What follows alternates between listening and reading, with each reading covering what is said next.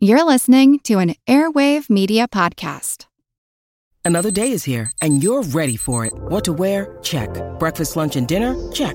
Planning for what's next and how to save for it? That's where Bank of America can help. For your financial to dos, Bank of America has experts ready to help get you closer to your goals. Get started at one of our local financial centers or 24-7 in our mobile banking app. Find a location near you at bankofamerica.com slash talk to us. What would you like the power to do? Mobile banking requires downloading the app and is only available for select devices. Message and data rates may apply. Bank of America and a member FDIC. When you need mealtime inspiration, it's worth shopping Kroger, where you'll find over 30,000 mouthwatering choices that excite your inner foodie. And no matter what tasty choice you make, you'll enjoy our everyday low prices, plus extra ways to save, like digital coupons worth over $600 each week. You can also save up to $1 off per gallon at the pump with fuel points. More savings and more inspiring flavors make shopping Kroger worth it every time. Kroger, fresh for everyone. Fuel restrictions apply. This is Kick Ass News. I'm Ben Mathis.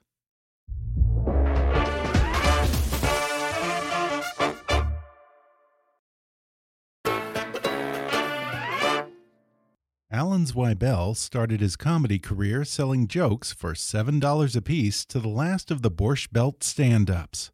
Then one night, despite bombing on stage, he caught the attention of Lorne Michaels and became one of the first writers at Saturday Night Live where he penned classic material for Gilda Radner, John Belushi, and all of the original SNL cast.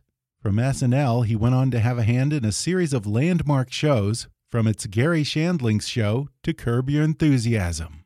Now, Alan Zweibel recalls his four decades in the business and traces the history of American comedy in his new memoir, Laugh Lines My Life Helping Funny People Be Funnier.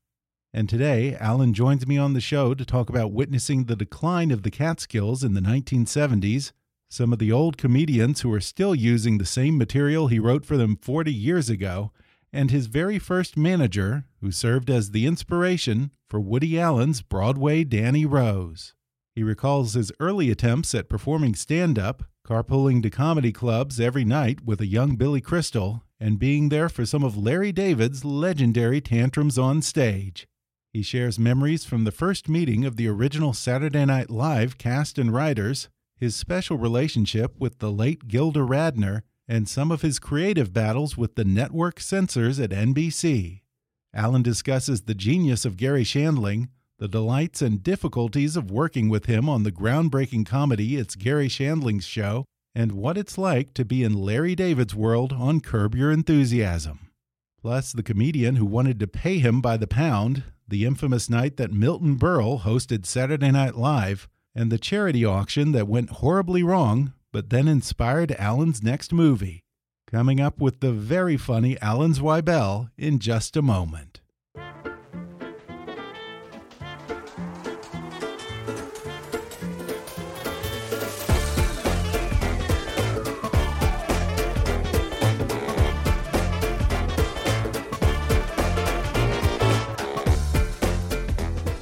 Alan Zweibel is an original Saturday Night Live writer who has won multiple Emmy and Writers Guild awards for his work in television. He also collaborated with Billy Crystal on the Tony Award winning Broadway play 700 Sundays and won the Thurber Prize for American Humor for his novel The Other Shulman. Now he's out with a new memoir, Laugh Lines My Life Helping Funny People Be Funnier. Alan Zweibel, welcome to the show. Oh, thanks so much for having me. Well, Alan, I can't tell you how much I loved this book. You've got oh, so many great stories. I mean, you've got a large chunk of the history of comedy in here, and so many of these great old stories of famous comedians would be lost if there weren't people like you putting them down for people to remember. In here, you say that you got your start writing jokes for an old Borscht Belt comic who mostly played the Catskills resorts. Now, a lot of people listening may not even realize that comics don't all write their own jokes. At least in the old days, that was the case. I don't know if that's still the case now, but you know, Bob Hope famously employed a whole team of joke writers that he would keep up all night working. Uh, how did you get a gig as a joke writer? Well, what happened was when I graduated college, um, I wanted to go to law school, but the law schools would have no part of me. they, really? they saw my board scores and they said, no, no, no, this is stupid. so um, I always really wanted to become a comedy writer. I just didn't really know how to go about doing it. You know, there's no prescribed course. You know, if you go to dental school for four years, you come out, you're a dentist. You know, you do this. Sure. Where do you start? So um, after college, I moved back in with my parents, and my uh, mom and dad went to, uh, I guess it was uh, Lake Tahoe, and they saw a singer named Engelbert Humperdinck, if you remember him. Yeah, sure. And on the bill, with his opening act was a Borscht Belt comedian named Morty Gunty. And Oh, yeah. my mother ran into him the next morning in a coffee shop, said that her son wants to be a writer. He, he sent, gave her his name, phone number, and address. And I started writing for him. And as $7 a joke, that's what the going rate was at the time. Really. And in the Catskill Mountains in the early 70s, certainly way well before that as well, the 50s and 60s, you know, it was, um, uh, oh God, it was the breeding grounds for new material, uh, Sure. comics. That's where uh, Jerry Lewis and Dean Martin and, uh, you know, Totie Fields and Alan King and Red Buttons, they all started there and then went on to have their own television shows and Las Vegas acts. And uh, by the time I got there in the early 70s, the Catskills, uh, the, hotels were starting to shut down. Um, Mhm. It just, uh, it wasn't, the, the heyday was behind it. And the comedians that were playing there, the ones that I wrote for, were the also rans. At this point, they weren't going to move on and get their Mhm. own TV show, but they did have writers, you know. And uh, th- this man, Morty Gunty, who was so nice to me, I would go up to his um, his home on a Friday afternoon, and I would write jokes for him in front of him, have dinner with his family, and then I drive up to one of the hotels like Grossinger's or the Concord, uh, the Nevele, that had these huge, huge nightclubs, and sit in the back and see how my jokes worked. And um, when I'd be with him, he'd pull out his bottom drawer, and there were jokes that had been written for him years before by guys like Neil Simon and Larry Gelbart Wow. and Arnie Kogen. So it used to be a path to television comedy writing because those guys eventually got TV shows and they asked the, the writers to come along with them. But by the, like I said, by the time I got there, that was no longer a viable uh, path, you know. But uh, you know, I cut my teeth writing jokes for these guys, and um, I did it for a couple of years. Yeah. Yeah. By the time you were writing for these guys, it was like what, the 60s and 70s and well past that heyday of the Catskills. In fact, I think that you refer to Morty Gunty or one of these comedians as sort of the Willy Loman of stand up. And you were just like 20 something. So was there a certain pathos to witnessing all that? Yeah, I graduated college in '72. The heyday of the Catskills were, you know, the, the, the a few preceding decades, and not only was it Morty, but it was also all those guys. A very nice, very very good mm-hmm. comedian named Freddie Roman, another man named Dick Capri. They would get in their cars, and they would drive up to the to the mountains, to the you know the Catskill resorts, tell their jokes, get back in the car, and go home. And there was a blue collarish. They made very nice livings, but but when I say blue collarish, you know there was a traveling salesman kind of aspect to it. The Willy Loman thing is not too far off because they would travel, they would tell their jokes, hopefully get their laughs, get the check, and then go home. And they would do this uh, many many nights a week. Yeah, and I think you say in here that uh, some of these guys would pay you by the minute, or even there was uh, one or two comics who wanted to pay you by the pound. what is a Well- pound of jokes like? well, that, that was a term that was such a misnomer. I, Yeah. First of all, it was seven dollars a joke, and Yeah. then I graduated to uh, if you wrote a sustained an individual joke was seven dollars, okay. Okay. But if you wrote a routine for them, the the, the starting rate was a hundred dollars a minute.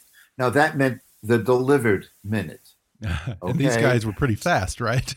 and these guys were incredibly fast. That's absolutely right because they would just like a make a beeline from one punchline to the next. so I I thought I was, I think I was losing money. Okay, uh, uh, then I learned the expression "pound of jokes."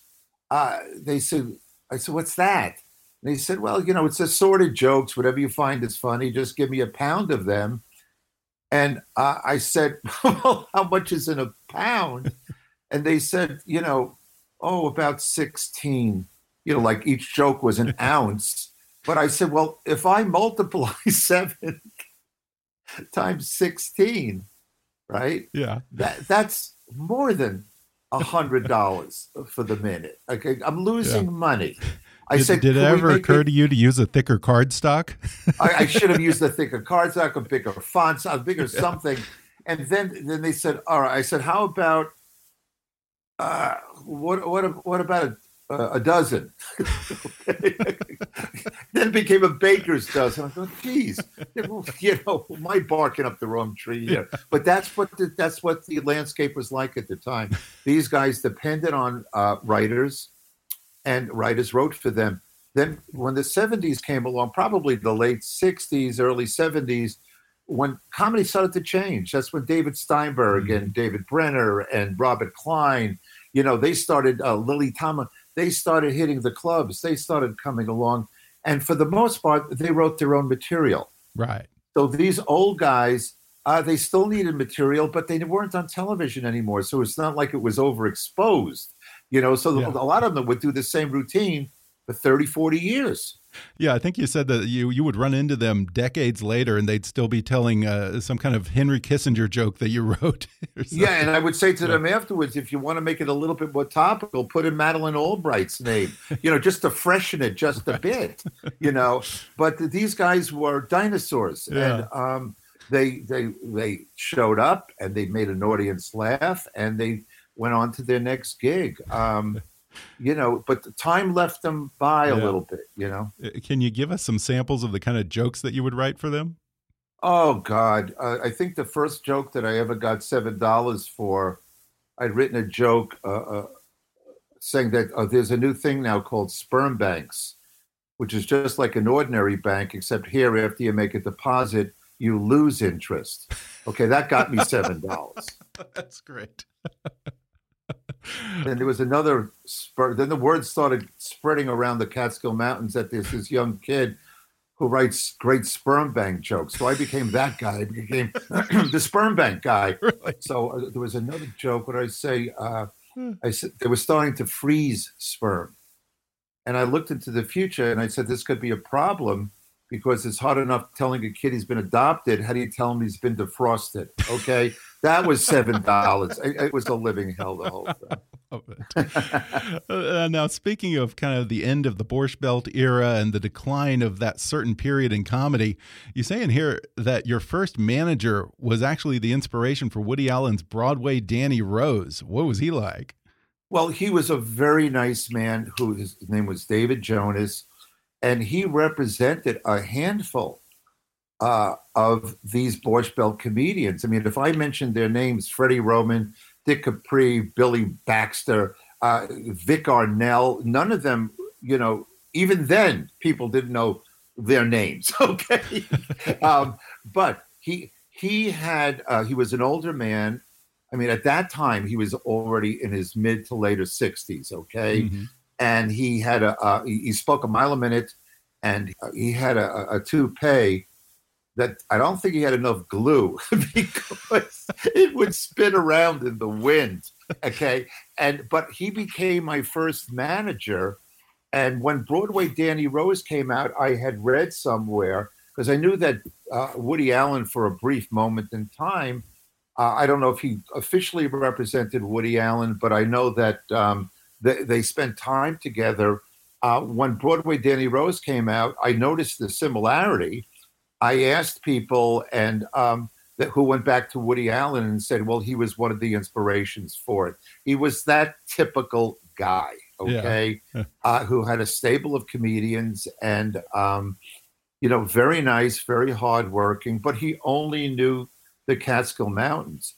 Uh, at, at, one point, when Freddie Prinze came along, he he noticed and he signed Freddie Prinze. Now, Freddie Prinze was really hot. He was 21 or 22 years old, where these other guys were already in their 50s. And um, he nurtured him. He nurtured Freddie Prinze. And uh, when Freddie Prinze got a TV show called uh, Chico and the Man, Freddie went out to California and um, eventually Dave Jonas, he couldn't handle California. He was com- his comfort zone was the Catskill Mountains, and Freddie ended up leaving Dave. You know, he was the uh, Dave was the king of the Catskills. his guys were the guys that uh, were booked in all the rooms up there. And you eventually started going on stage yourself, but you admit in here that you really never had a desire to be a stand up. You always wanted oh, to be no. the funny guy behind the guy. So, what was your thinking when you started performing? Well, look, I appreciate the compliment, but the word performing is an incredible misnomer. Oh, yeah. when I realized that the Catskills were a dead end, and I saw that there were two clubs in the early and the mid 70s uh, in New York, one called The Improvisation, the other called Catch a Rising mm-hmm. Star. And, and, that's where Elayne Boosler and, like I said earlier, uh, Robert Klein and my friend Larry David, they were coming through these clubs. Okay. And I'm going, these guys were my age. They were talking about the things which were my life experience. All right. And um, so the plan was to take the jokes that these older men wouldn't buy from me because was, uh, they said it was too hip for their audiences. and I, the plan was to go on stage, tell the jokes with the hopes that a manager or an agent, somebody would like the material and, and want to represent me to become a, a, TV comedy writer, which is what I wanted to do. So I never cared about the performance aspect of it. You know, these days, yeah, I do uh, speaking engagements all over the country. I go on late night talk shows. I, I, I, am okay at it. Uh, uh, you know, I'm a storyteller and I know how to handle myself. But back then, I was petrified, and I would just, you know, just tell the jokes. And if they liked the jokes, they laughed. And if the audience didn't like the jokes, there was no sense of performance where mm-hmm. I was able to get any laughs out of them. Oh yeah. But like I said, it it was a means to an end. Yeah. What, what was your act like? I mean, did you have a particular style? Well, it's, it's style. Once again, you give me credit that's uh, so undeserved. okay. Style, style means you know what you're talking about, and you go, "All right, I'm going to be that guy." Yeah. My my my perspective was real. My perspective was, I was indeed uh, a, a, younger generation than Alan King and some mm-hmm. of the uh, people that um, were my parents' age. Yeah, right. so we comics. were the next generation. Yeah. We were the Woodstock generation. We are the ones who uh, affected by the Vietnam War. So I, I, my perspective was pretty much about being the son of these middle class parents. So who were some of the other comics that you came up with? You mentioned Larry David. Larry David, Billy Crystal, Richard Lewis.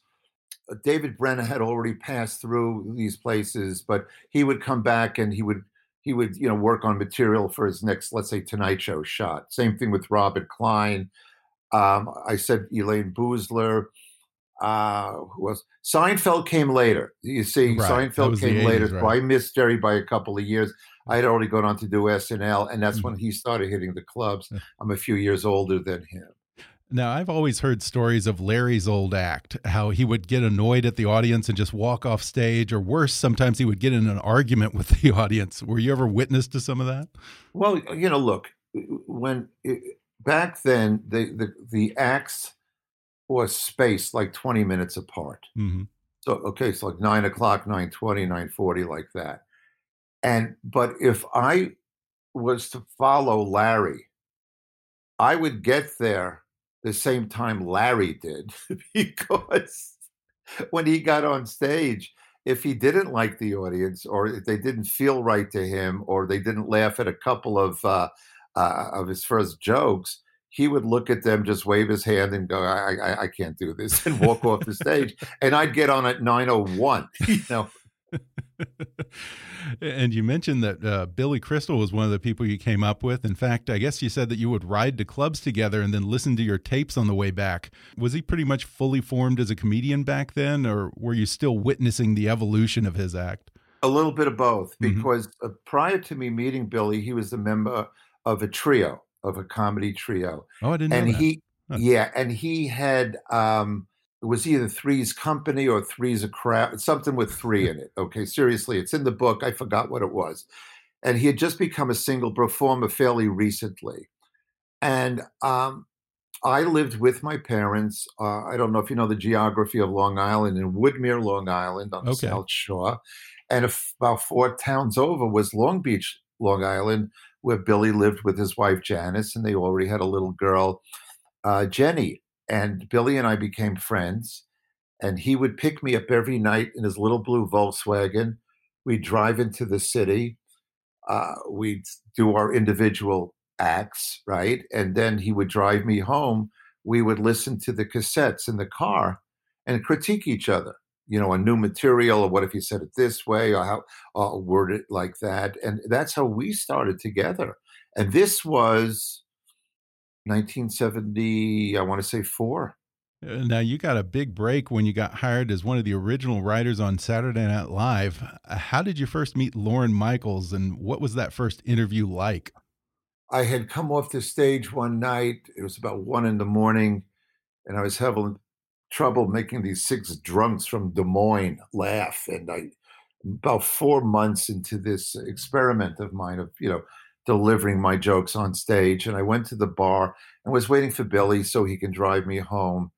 And uh, this young man uh, came up next to me, sat down, uh, found it necessary to tell me that I was one of the worst comedians he'd ever seen in his life, but that he liked my material. And it was Lorne. And um, he, I had a, this Dave Jonas was my manager, and there was a, uh very nice man who was an agent at William Morris. His name was Leon Memely, and they submitted me to Lorne to interview for uh, to be a writer on this brand new show. So I took all the jokes that um, I had that uh, that I had ever written, basically eleven hundred of them, uh, uh, and, and I put them into a binder, and I brought it into the city for my interview with Lorne, and um, I gave him the binder, and he looked at the first joke, and uh, just nodded and went, "Really good, really good," and then closed the binder. I was up for two days straight typing 1,100 jokes. And if you remember back then, the typewriters had ribbons with ink, Right. and you, you- it was a mess. Yeah. Okay. And he read one joke, and um, he he kept the binder. Obviously, he went through it and uh, showed it to the NBC executives and whatever. But um, that was um, that was my interview. I got a call. I would say two three days later from that man Leon Memely, who called Dave Jonas, who called me and said, um, you, got a job on this new show and it was magical it, it, it was i was 24 and um, i was going to be a tv writer Now, what was it like that first assembly of the original cast and writers from SNL? well you know i went up there the first day and there was a meeting in Lorne's office of, of the writers and the actors and i looked around that room and i had never seen anything like this before because there was John Belushi and there was Gilda and there was Laraine Newman and Dan Aykroyd. It was a different kind of comedy than than what I was used to. I was a joke writer. These guys were improv players. They were doing things in the room that made each other laugh. I had never heard of Second City at that point. Okay, so they were bringing that kind of energy to things that they were acting out on the cuff. And you know, and look around the writers' room. There was Michael O'Donoghue, who had founded the National Lampoon. Anne Beatts wrote for the National Lampoon. Al Franken and Tom Davis, they were a comedy team from L.A. It was um, Lorne said this is going to be a variety show, but he further explained it by saying that means it's going to be a variety of different kinds of comedy, and the sensibilities that were, were in that room um, were, were very different from each other. You know, some was darker, some was sillier, you, you know, and, and, and whatever, and it, it came from different angles. But God, it it, it worked. And everyone from those early days on SNL seems to have their own opinion about when during that first season the show really hit its stride. What episode do you think was the turning point for SNL? Well, you know, there was a show that we did, the tenth show that we did, that we won a bunch of Emmys for. You know, you Mhm. submit a show, and that's the one that's voted Right. on, right? It was one that Elliot Gould hosted. Uh, the eleventh show is one that uh, uh, I wrote Samurai Delicatessen for. It was Oh, Buck yeah. Henry hosted it. I, I think you know when I asked people, I, I, I interviewed a lot of my old SNL cronies, you know, about and I asked that question that you just asked me. Some thought it was uh, Lily Tomlin, which was the sixth show, because um, the women uh, writers had a louder voice in that one. You know, it, it it varies as you look back at it. You know, but we knew it was different from the get go. It was like, no, I, as a little boy, I used to watch TV variety shows, comedy variety shows, and I couldn't understand why I heard laughter coming through the television. who would laugh at this crap? Okay, well, who are these people, you know? And here, I felt that we were genuinely funny, and the laughs we were getting from the audience, and the fact that Chevy, you know, busted out first, and then it became what they called, you know, like the water cooler kind of show, where on mm-hmm. Monday mm-hmm. they would quote jokes from Weekend Update or to get see what they did, and then very early on, uh, Gilda and I I also did a couple with Belushi, would do college um, speeches. Oh, really? And you got to understand, this was a show that was tucked in the corner, eleven thirty to one on Saturday nights, and people, you know, kids would fill up an auditorium. Of course, to see Belushi, not me, but I would get an applause if I told them that I wrote Roseanne, Roseannadanna. It was writers were never afforded this kind of recognition, but the show you know, it snowballed and it, uh, it, it became a cult hit, and then it grew into a phenomenon. Yeah. It's on 45 years oh, now, oh, yeah. for God's sake. We're going to take a quick break, and then I'll be back with more when we come back in just a minute.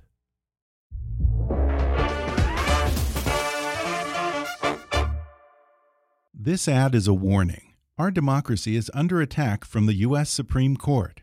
In the middle of a deadly global pandemic, people across Wisconsin were planning on voting absentee to keep themselves and their families safe. But the night before the election, five Republican justices on the Supreme Court told thousands of people they would have to choose between risking their lives and forfeiting their right to vote.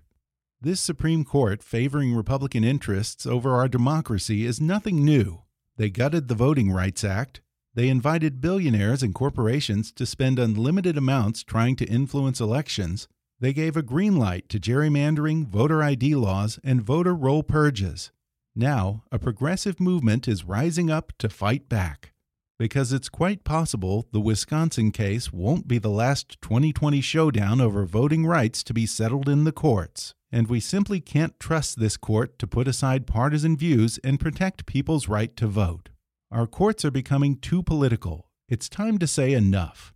Learn more about how you can join the fight by visiting demandjustice.org/kick. That's demandjustice.org/kick. We were just talking about how all the people on SNL have their own take on when that turning point was for the show, but I don't think anyone disagrees on what the worst episode was there's this episode where Milton Berle hosted, and it's sort of the stuff of legends because it was so bad that Lorne Michaels has never allowed it to air again. What went wrong there? Everything. okay. I, I, I mean, I, I can't even be. Look, on paper, I guess you could say it sort of made sense. There was a mm-hmm. symmetry mm -hmm. to it because he was on that network, and when he had the Texaco Hour, he it was the hot show on television, and it was NBC, and it was a phenomenon. And here he came back so many years later, uh, and we were basically that a newer version, okay, mm-hmm. in terms of uh, popularity and, and, and whatever. Uh, but he was so old school. He would um, break character in the middle of a sketch and look at the camera and just start doing jokes. wait a second. You're supposed to be in a sketch talking to this other person. You're, you're playing a camera, you know, and, and, and, um, and even in his monologue, well, I remember when they were uh, camera blocking it, he at one point, you, know, you got to understand, listen to what I'm saying now. We were, we were camera blocking, which means we were rehearsing in front of a camera mm-hmm. what his opening monologue would be and he was talking to camera, doing whatever jokes, which are old fashioned jokes, but okay, that's who he was.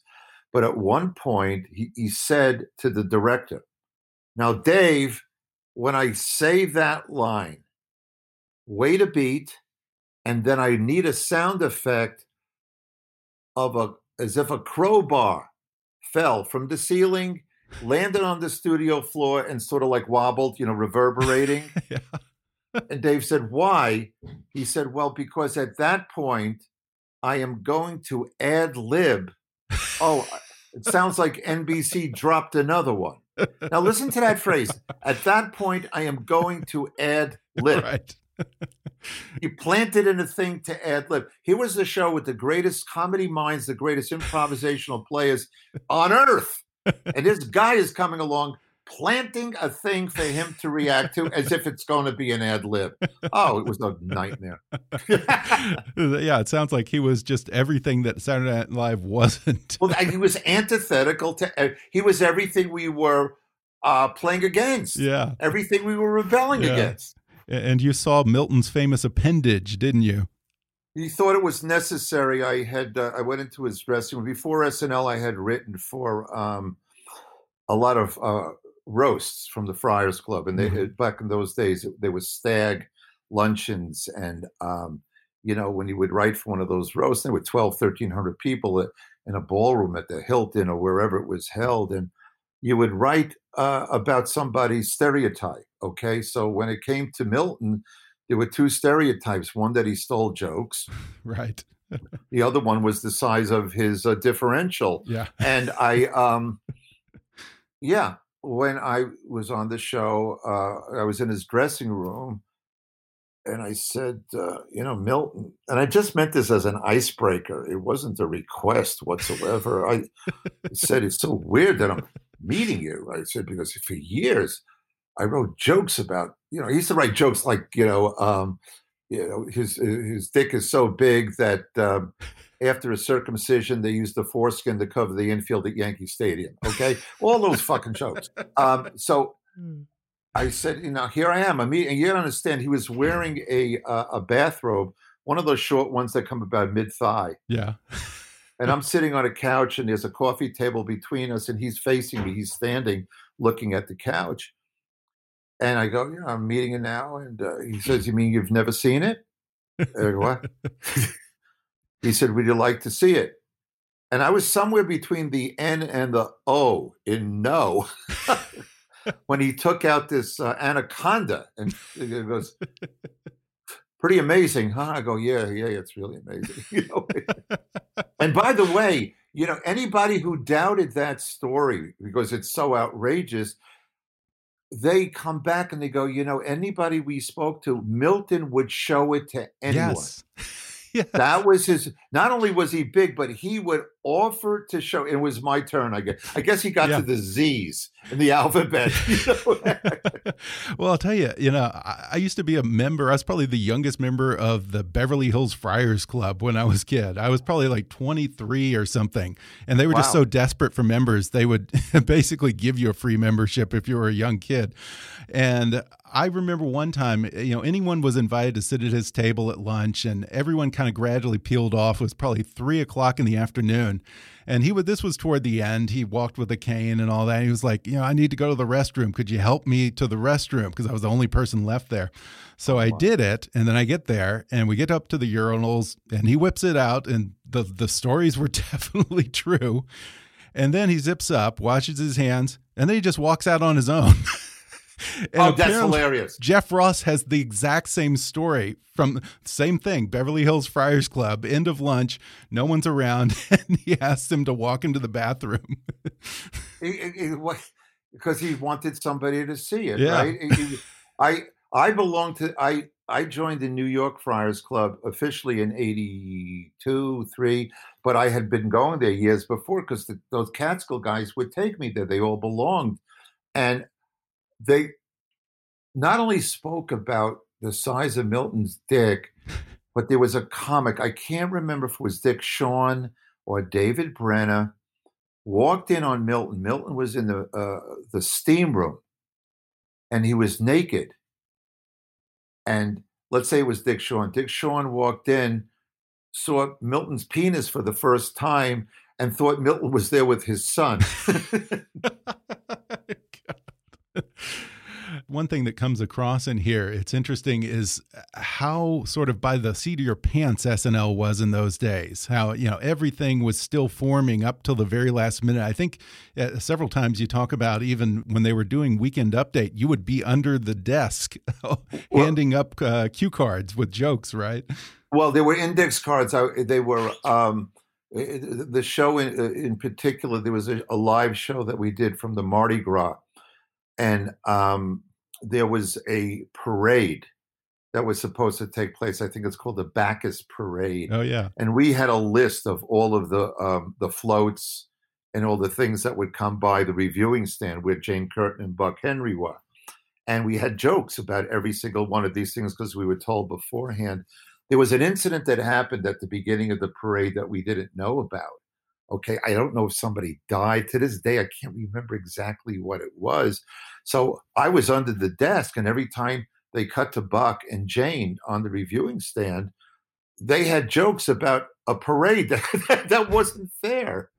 so I was under the desk writing jokes and handing it up to them to try to fill the time. You know, it was really exciting. And, and, you had a very special relationship with Gilda, first professionally and then even personally. Uh, when you two were working together on ideas for SNL, what was your process like? Well, the process was that she'd come in and she'd tell me that what she wanted to do.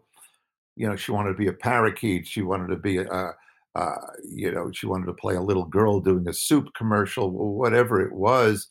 Emily Litella was a character that I had a hand in, although other writers did as well who, who Gilda played a little old uh, lady who um, went on Weekend Update, and uh, was sort of hard of hearing. So she would give an editorial reply to an editorial that she misheard. so she would give, she would rant on and on. Yeah. About uh, saving Soviet jewelry, you know, and uh, presidential erections and stuff like that. But what Gilda and I wrote mostly in restaurants uh-huh. and whatever it was, um, I would interview uh, her, not not an interview interview.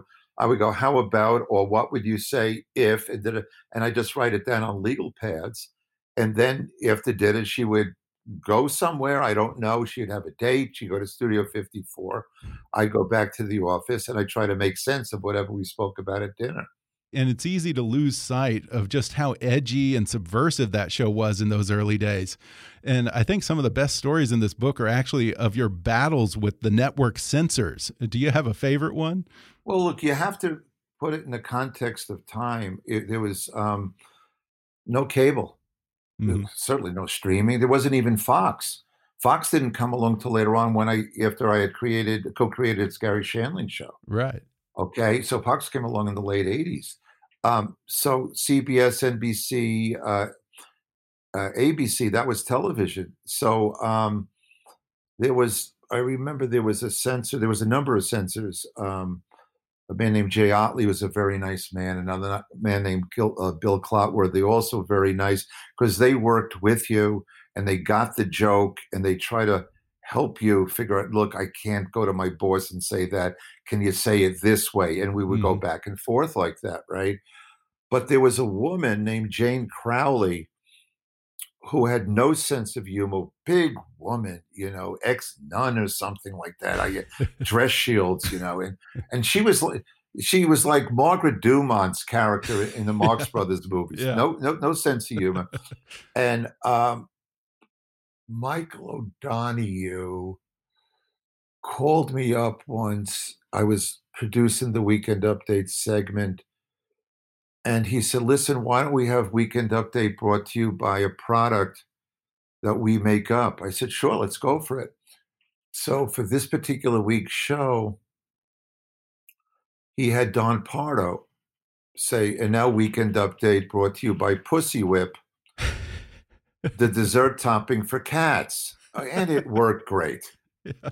It worked so great that I wanted to do one. So the next week at the dress rehearsal, right, a full audience and the whole thing earlier in the evening at dress rehearsal, I had Pardo say, you know, weekend update brought to you by Blue Balls, B L E U, Blue Balls the cheese snack from France. Okay. And it worked really good. Okay. Well, everyone said, let's put it on. One person had a problem with it. This is Jane Crowley, the daughter of the control room open. And, and you got to understand, during dress rehearsal is when the censor would sit there with the script in front of them. And it was their last chance, actually, to, to censor us because you go on the air live later and it's out there, right? So she found me and she says, Alan, you can't do that on the air show. I said, can't do what? She says, you can't say blue balls. I said, why? She said, because it has to do with the male genitalia. And I said, Jane, last week you let us say pussy whip, which is clearly the female genitalia. But now this week what kind of sexist organization are you running here? and she said, Give me a second. She goes back into the control room, picks up a phone, hmm. calls God, I guess, comes back about 10 minutes later. She finds me, goes, Alan, I discussed it and I gave it a lot of thought. And uh, I've come to the conclusion that because I gave you a pussy whip last week, I'll be more than happy to give you blue balls this week. I said, you know, Jane, that's not really necessary. Just let us say it on TV and we'll call it even. you know? I love it. And and that those kind of things have really become part of the fabric of Saturday Night Live. You, have come come from that to uh, what was it? The old Christopher Walken sketch, Colonel Angus, and all. That's really yeah, become yeah, part of Colonel the show. Angus, and they had this was way, way after. Didn't they have yeah. sweaty balls? Yeah, and, yeah, and, right. Oh, yeah. all that stuff. No, yeah. it's great. It's great. Yeah. Now you mentioned that later you worked on it's Garry Shandling's show. Uh, you co-created that show with Garry. I co-created it with Larry. Uh, with Larry. With Garry. Yeah. yeah. Tell us about how the two of you teamed up on that. I was. Uh, I had left SNL and um, I didn't have an office, you know, at Thirty Rock anymore, and we started having Robin and I, Robin's my wife, we started have, having children, and I needed a place to uh, work. So I joined the Friars Club. They had a room upstairs that had a big screen TV and a couch and a newspaper rack, and I used it as an office. And one day during lunch, I got a phone call from a man named Bernie Brillstein, who was my manager. Oh, yeah he he signed me when I was still with SNL. He managed Lorne and Belushi and Aykroyd and Gilda, and he was now my manager. And um, he asked me if I knew who Garry Shandling was, and I said, "Yeah, I've seen him on Letterman. He's really funny." And Bernie was this big, gruff uh, man, you know, heavy right, set, white beard, white. If you know, if if Kenny Rogers and uh, Santa Claus had a kid, it would be Bernie. Okay. yeah. And I go, what about Shandling? He says, well, he's doing a special which uh, for Showtime that's going to go straight into the shit house unless they get some, uh, you know, clear eyes, you know, to, to punch up the script. So that they sent me the script. I really liked it. They flew me out to L.A. I went straight from the airport to whatever restaurant to meet Garry, And I met Garry. and all during dinner, he was wearing sunglasses and I'm going, I couldn't get a read whether the guy liked me, liked my ideas. I just couldn't read it, you know. And we left each other, and I figured, and he said, "Okay, let's be in touch." And I go, I check into whatever hotel, I fall asleep. At one o'clock in the morning, the phone in the hotel room rings. Now you got to understand, it's four o'clock in the morning for my body. I had just flown out, yeah, from New York, and I pick it up. Go, "Hello, Alan, it's Garry." hey man, what's doing? Alan, my dog's penis tastes bitter. You think it's his diet or what? I called my wife. I said, I think I found a writing partner. he, he, he, pound for pound, possibly the funniest person I ever met. I mean, yeah. I've got very, very funny friends, very, very funny friends. Um, Garry was funny as a character. You, you know what I'm saying? As a character in the world and um, God, did he make me laugh? And we got along. Well, at first we got along really well, and we created this show, and it, it became a hit. It was on Showtime, and uh, we wrote the theme song together in a, in an elevator, and um, you know, and it, we it just clicked. And for me, it was like lightning striking a second time. But it also sounds like with him, it could be pretty trying, and maybe you kind of never knew what side of him you were going to get when you came in, huh? Well, you know, look, you were writing once again. It was writing with somebody mm -hmm. for that person, right? Okay, and if Garry did didn't want to say something, he didn't say it, or if you talked him into saying it, it would be delivered in a way that was so unauthentic that it wasn't worth winning that battle. Mm -hmm. And yeah, he um, he was a great writer, and um, he played himself. He played Garry Shandling, the comedian, and um, you know uh, we had a great writing staff. But Garry was um, he had a vision of what he wanted things to be. So those weeks that uh, it was at odds with either me or what the writing staff wanted to do, those became very, very long nights, mm. you know, mm-hmm. having to implement his uh, notes and trying to figure out what he wanted. Uh, yeah, you talk about what a perfectionist he was and how he would always keep working on that script and hammering away at it until the last minute, pretty much. Well, you know, something, I ran that show not dissimilarly to the way uh, Saturday Night Live is. You, you, until you say it, until you do it, it's subject to being honed, you know? Mm -hmm. And so we would have a dress rehearsal, and then we would tweak the script between uh, the dress rehearsal and the sh- and the the actual taping of the show. And you take both those shows and you can blend them together, you know, if you want. But um, it was always, and I would um, I would be in front of my bank of monitors. I was uh, producing the show while Garry was on stage performing and, and, and doing the show in front of the studio audience. And if a joke even if a joke worked, sometimes he would stop tape between scenes, call me in, and goes, "Do we have another joke for that?" I said, "If the joke just worked, it worked great. Let's move on. Do we have another joke?" And I would give him a joke that either I thought of in the moment, or one that we had had earlier in the week that he forgot about, and he thought it was a new joke, and he would use it so there was sort of tricks that we did so we can get home that night. Yeah. and I look back at that show. God, I mean, it was so ahead of its time, so groundbreaking with the breaking of the fourth wall and the stuff with the booth, the celebrity neighbors, how they would drop by so matter of fact. I yeah, mean, that Rob was a groundbreaking would come show. by to, to, to, do the dishes, and uh, Tom Petty would stop by to return Garry's hedge yeah. clippers. It was a lot of fun. Yeah. and you've also served as a consulting producer on my favorite show, Curb Your Enthusiasm. Uh, what does a consulting producer on a show like that do? Well, I can tell you what I did as a consulting producer. Okay. What I did basically was listen to what Larry's ideas were. okay. okay. And I went, wow, that's really good. okay.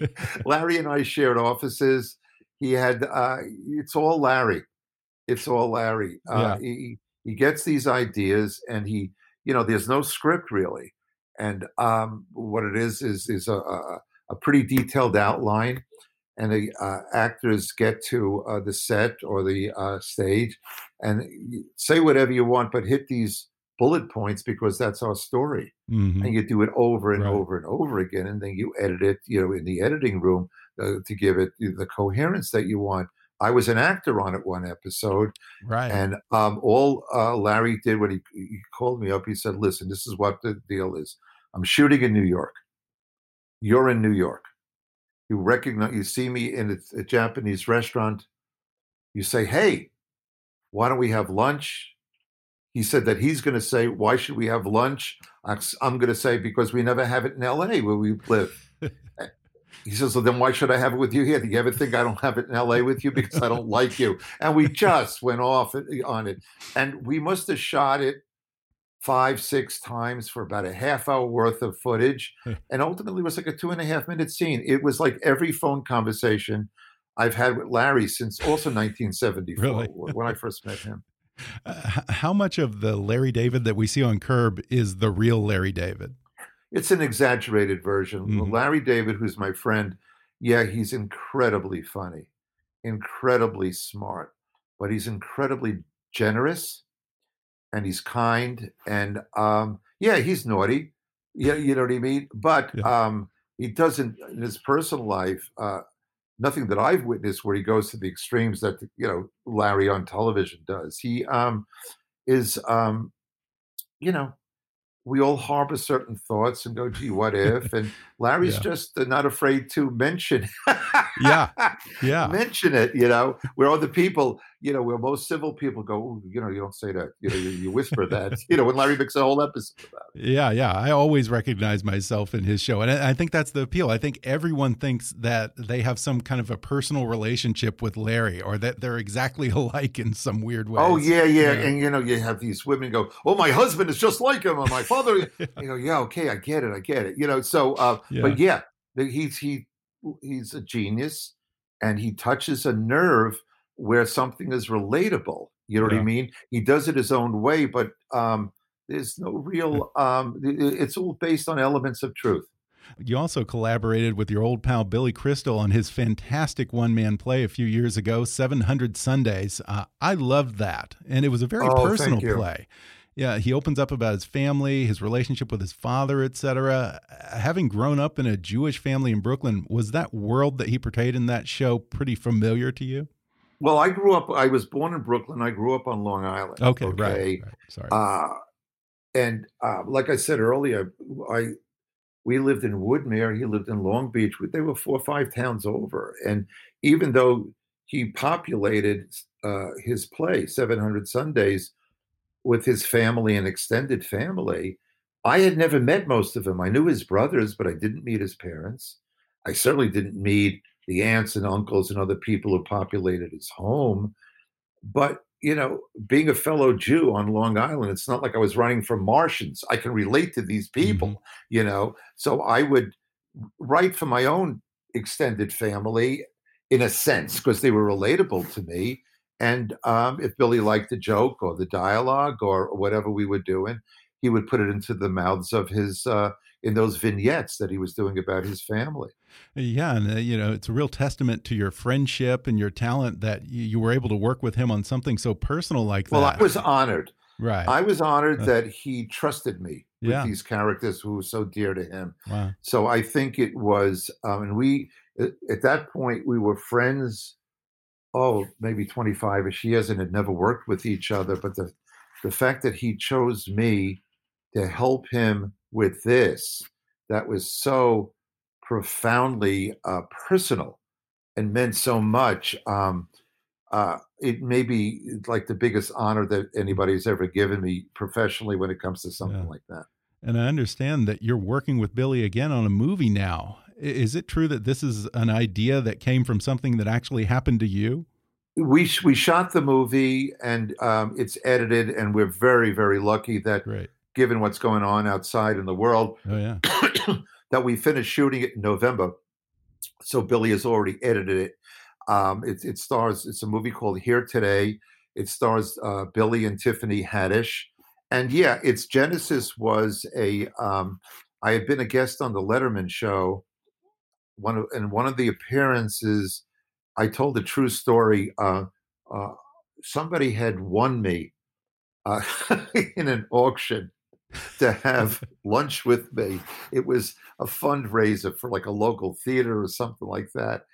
And I live in New Jersey, and the um, uh, the lunch was going to be in New York. So I drove in. I paid tolls. I parked the car, and I go in and I meet this young woman who won me. Okay, now you understand, my friends. You know, the, the, when they're put up for auction, like Larry, uh, you know, somebody will pay a hundred thousand dollars to watch him brush his teeth. You know, or, you know, or Tom Hanks, me pay a half a million dollars uh, to watch him change his shirt. You know, and so I, I go in and I meet this young woman, and we uh, we're in a restaurant, and um, I ordered food, and she ordered a huge seafood salad. I remember, and we got to talking, and I said, "Listen, I don't want to be indelicate, but um, how much money did you spend, you know, to have this lunch?" And she said, 22. And I go, wow, $2,200. You know, it's not Larry David money, but Yeah. man, that's, a, yeah, she goes, 2200 No, it's $22. I said, you, wait a second, you, $22 was the winning bid to have lunch with me? And she said, well, the bidding started at $20 and went up in 50 cent increments. I went, God. So now I hate her. Okay. And uh, we're talking. And as we're eating, I see that her right ear is turning red and her lip starts to droop. And this eye is about now three times the size of the other eye.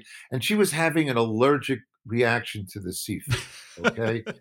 and I'm sitting there wondering oh, how, at what point does my obligation to this contest winner right. okay, end? well, it ended up, I'm a nice guy. Uh, I accompanied her to Lenox Hill Hospital. She didn't have insurance. I bought her an EpiPen. Okay. All right. I went upstairs to her bed, uh, her apartment. I injected her the way the guy at the thing told me. And what cost her 22 cost me, oh, about 1100. All right. I told this story uh, as a guest one night on the Letterman show. Billy called me or texted me while he was watching it. We spoke the next day. He said, Why don't we have that as the first scene between a man and a woman, you know, like a September, a May December relationship, and let's see where it goes. so I said, fine. And it took us three years to write this script. And um, uh, back cross country, I was in New York. He was in uh, LA. And yeah, when he came to New York, we worked together. I went to LA, we worked together. But so much of it was done writing scenes and emailing it to each other and uh, editing and doing whatever. And, um, uh, ultimately, um, we got uh, Tiffany Haddish. Oh, Billy oh, had this great. wonderful idea. Yeah. Why not cast Tiffany Haddish as the young woman? And um, here we are. We started shooting. I guess it was the end of September. Uh, it ended in November sometime. So we were very lucky. Uh, the picture is great. We we locked the picture. I think there's still some post production work that has to be done on it. But I mean, look at how many uh, movies had to shut down. I know. sort of. So we're very fortunate. Yeah, yeah. I mean, that is a fantastic premise right there. Well, I can't wait to see that. And this book was just so terrific, Alan. I loved it. And you you got so many great stories, and you you you do interviews with a lot of these comics and writers that you've known for so many years, and it's packed with jokes that you've written throughout the years. Before we go, can you take us out with just one more joke? Yeah, I could tell you the joke that you know, that was at the top of the list uh-huh. of the 1100 of the ones that I gave Lorne. Okay. okay. Um, show you how long ago it was uh, from the reference points in the joke. I had said that the post office was about to issue a stamp commemorating prostitution in the United States. It's a 10 cent stamp. You want to lick it, it's a quarter. Okay. So, um, I, so I wrote that joke in 1975 because the following year was the bicentennial yeah. and they were starting to issue stamps commemorating different aspects of United States history. So I wrote it back then, you know. And now if I if I go to a college and I tell my story and I tell that joke, 17, 18, 19 year old kids are going, why would you want to lick a stamp? It's already sticky on the back. yeah. So, you know, so I'm glad, I'm glad you're old enough to right, right, right. remember that we licked stamps. Right. You don't want to be the old tuxedo comic telling uh, no, no, Henry Kissinger case, jokes. I'm that guy. I, I turn into Morty Gunty. Yeah. How'd that happen? Well, I just love this book. I can't recommend it to folks highly enough. Uh, eh, the book is called Laugh Lines My Life Helping Funny People Be Funnier. Alan Zweibel, this was such a pleasure. Thanks so much oh, it was my pleasure. Me. Thanks for having me. Thanks again to Alan Zweibel for coming on the podcast. Order Laugh Lines, My Life Helping Funny People Be Funnier on Amazon, Audible, or wherever books are sold. Follow him on Twitter at, at AlanZweibel or at alanzweibel.com and look for his new movie, Here Today, starring Billy Crystal and Tiffany Haddish, coming out this fall. If you enjoyed today's podcast, be sure to subscribe to us on Apple Podcasts and rate and review us while you're there. Five star ratings and detailed reviews are one of the best ways for new listeners to discover the show. You can also follow us on Facebook or on Twitter at, at KickassNewsPod and recommend us to your friends on your social media. For more fun stuff, visit kickassnews.com, and I welcome your comments, questions, and suggestions at comments at kickassnews.com. For now, I'm Ben Mathis, and thanks for listening to Kickass News.